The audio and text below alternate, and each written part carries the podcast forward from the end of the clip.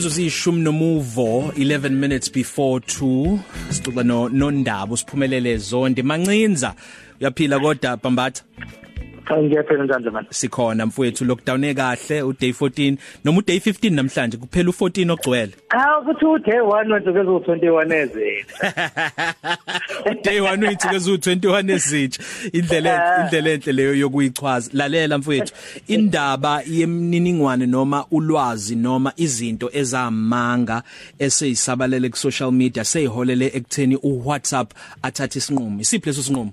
Um WhatsApp uthe abantu abasavumelekile imiyalezo ngeke usakwazi ukuthi um uyisendele uyithumela abantu abaningi abahlukahlukene. Uma ngabe bathi umyalezo wodwa uma usuke wathunyelwa ikhathi ezu5 wena mase uwuthola sewuka 6 wena sozovunyelwa nje ukuthi uthumele umuntu oyedwa. Angeke usakwazi ukuthumela umuntu wesibili. Um so ngokwabo ke ngaba kwakhile nje emumva lapho ku WhatsApp sekuzokwazi ukubona ukuthi oh lo myalezo sokwathunyelwa ikhathi eyihla e, ezinhlanu um sekuyisikhathi sesithupha. So uzokwazi lo ozowuthumela kwesithupha uzokwazi ukuthumela umuntu oyedwa nje kuphela. Nalo landelayo akwazi ukuthumela umuntu oyedwa nje mm. kuphela. Njalo njalo. Ngoba bathi bazama unciphisa amathuba alezi indaba eziyamanga eziye zibhebhetheke einkundleni zokuxhumana. Ngoba abantu bavele nje um umuntu vela akholwe yonke lento ayitholayo bese mm. naye edlulisela kwabanye.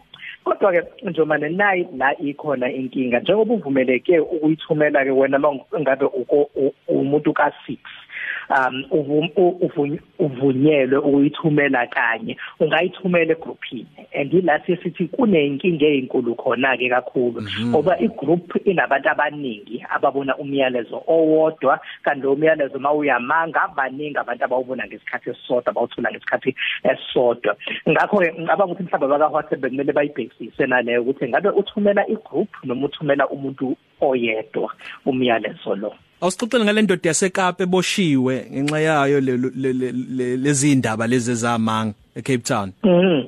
U Stephen Birch um angazi noma uke wayibuthola yini ivideo abantu bethumelana yona ko WhatsApp ngoba nami ngeke ngayithola impela endaweni ezihlukahlukene ngakhuza kuma group amanye ukuthi hayi bo ungathi sekumele kuboshwe kwasanina ke manje um into ayenzile u Stephen ukuthi ubethathe khona lo volo lo onothi wokuklina indlebe. Um wathatha lo volo wawuthatha wofaka ekhaleni wathi um bazobe befika endlini bezonihlola kanje ningavumi ngoba uma abazili ukuzonihlola um bazonifakela sona lesifo seCovid-19 esiyi coronavirus um ukuthi um ethi abantu bahulumeni abathunyelwe bazobe be um beyofaka abantu isifo kunokuthi bayobahlola ukuthi banaso ngempela lesifo njengoba sebeqalile ukubonakala kakhulukazi eindaweni esemalokishini mm. beqalile kulona lelsonto esikulona. Um uhulumeni kube sembopha ngoba phela um, bathi uqambela uhulumeni amanga. Kanti abantu abaningi abahlukahlukene nabo wabona bewuthumela lo myalezo ko WhatsApp bethumela ama group njalo njalo. Njengoba ngisho ukuthi inke ngawubona nami ama group ahlukahlukene kwayimina okhuzayo ukuthi hayi naloku uhulumeni mawucabanga angakathumela abantu athi awayonithelela ngesi abayonithelela ngesi. Mm mm mm. Indlela obona ngayo ikuphi mina nje njengosiya mangingenelwa umyalezo engathi ngisho noma ngiwulalele kangakanani ngizwe ukuthi yo hayi iqiniso ke loli. Ikuphi okumele ngikuqaphele ngixwaye andikuba ngifuna ukuthi leyo mlayelezo ngunikeze omunye umuntu? Ngithi hey awukuzwe la. Ngithi wena njomane qala ucabangisise kuqala phambi kokuba udlulise. Njengayo le yakhe lo muntu wothi onovolo lo wokuklina indlebe um okade ufake ekhaleni ethi uhulumeni uyeza uzothelela abantu ngesifo. Ukuthi ukucabanga ukuthi uhulumeni wakho okholayo engabe uzothumela abantu ukuthi bayobulala wonke umuntu ezweni la into yokuqala leyo.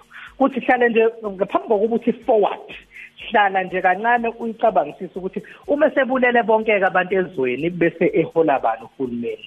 Ngoba sebabulele bonke abantu ezweni ngoba bathumelela abantu. Into yokuqala uqala ucabange. Okwesibili ke ongakwenza iya eindaweni eziyimthombo ethembekile njengawo SABC News. Kanje ukuyobheka ukuthi ngabe kukhona yini okushiwo ileyo mthombo ethembekile oyijwayele njengokhozi kanje uma ngabe ulalele indaba ngo1 ukuthi bayayikhuluma yini okhozini eindabeni zakhona? Bayayikhuluma yini ka SABC News uma ngabe ungena ku website yakhona uyibonile yini kumabona kude ku SABC News channel? Njalo njalo nenye ke imthombo yabezindaba ethembekile. Um ungavele nje uthi hayi ngithunyelwe umfana wakamakhelwane. Ngakho iyiqiniso ngoba ivela kumfana wakamakhelwane. Akathi uma sekuthumelile uhlale phansi uyicabanga ukuthi ngabe kungaba yiqiniso makuwukuthi awazi hamba uyobheka lemthombo yabezindaba ethembekile evamise ukukunikeza indaba njengenjwayelo. Kuzwakele siphumelele mfowethu singaxhumana nawe kuphi kuma socials siphinde sikuzwe noma sikubone kuphi? Um u SABC uhlelo luku SABC News ngiyaxolisa luku SABC News channel DStv 44 njalo ngamasonto baligama ngihora esishagalombili ebusuku. Sibheka zona ke ezobuchwepheshe um ku Twitter u S Zondi ku Instagram u S Zondi underscore. Ngiyezwa kuthiwa kuzovela mina no Sel Beyonce ohlelweni ngesonto. Ah no ngathi niyavela ngazi nami ngizama hehe Sibonge kakhulu mfowethu lo ndaba. Happy ah, okay, happy day 1 ke masithi happy uh, Passover. day 1 of 21 omusha. Sharp futhi. Ngiyabonga. Coffee Cafe Ilunch yakho ayifani neyizolo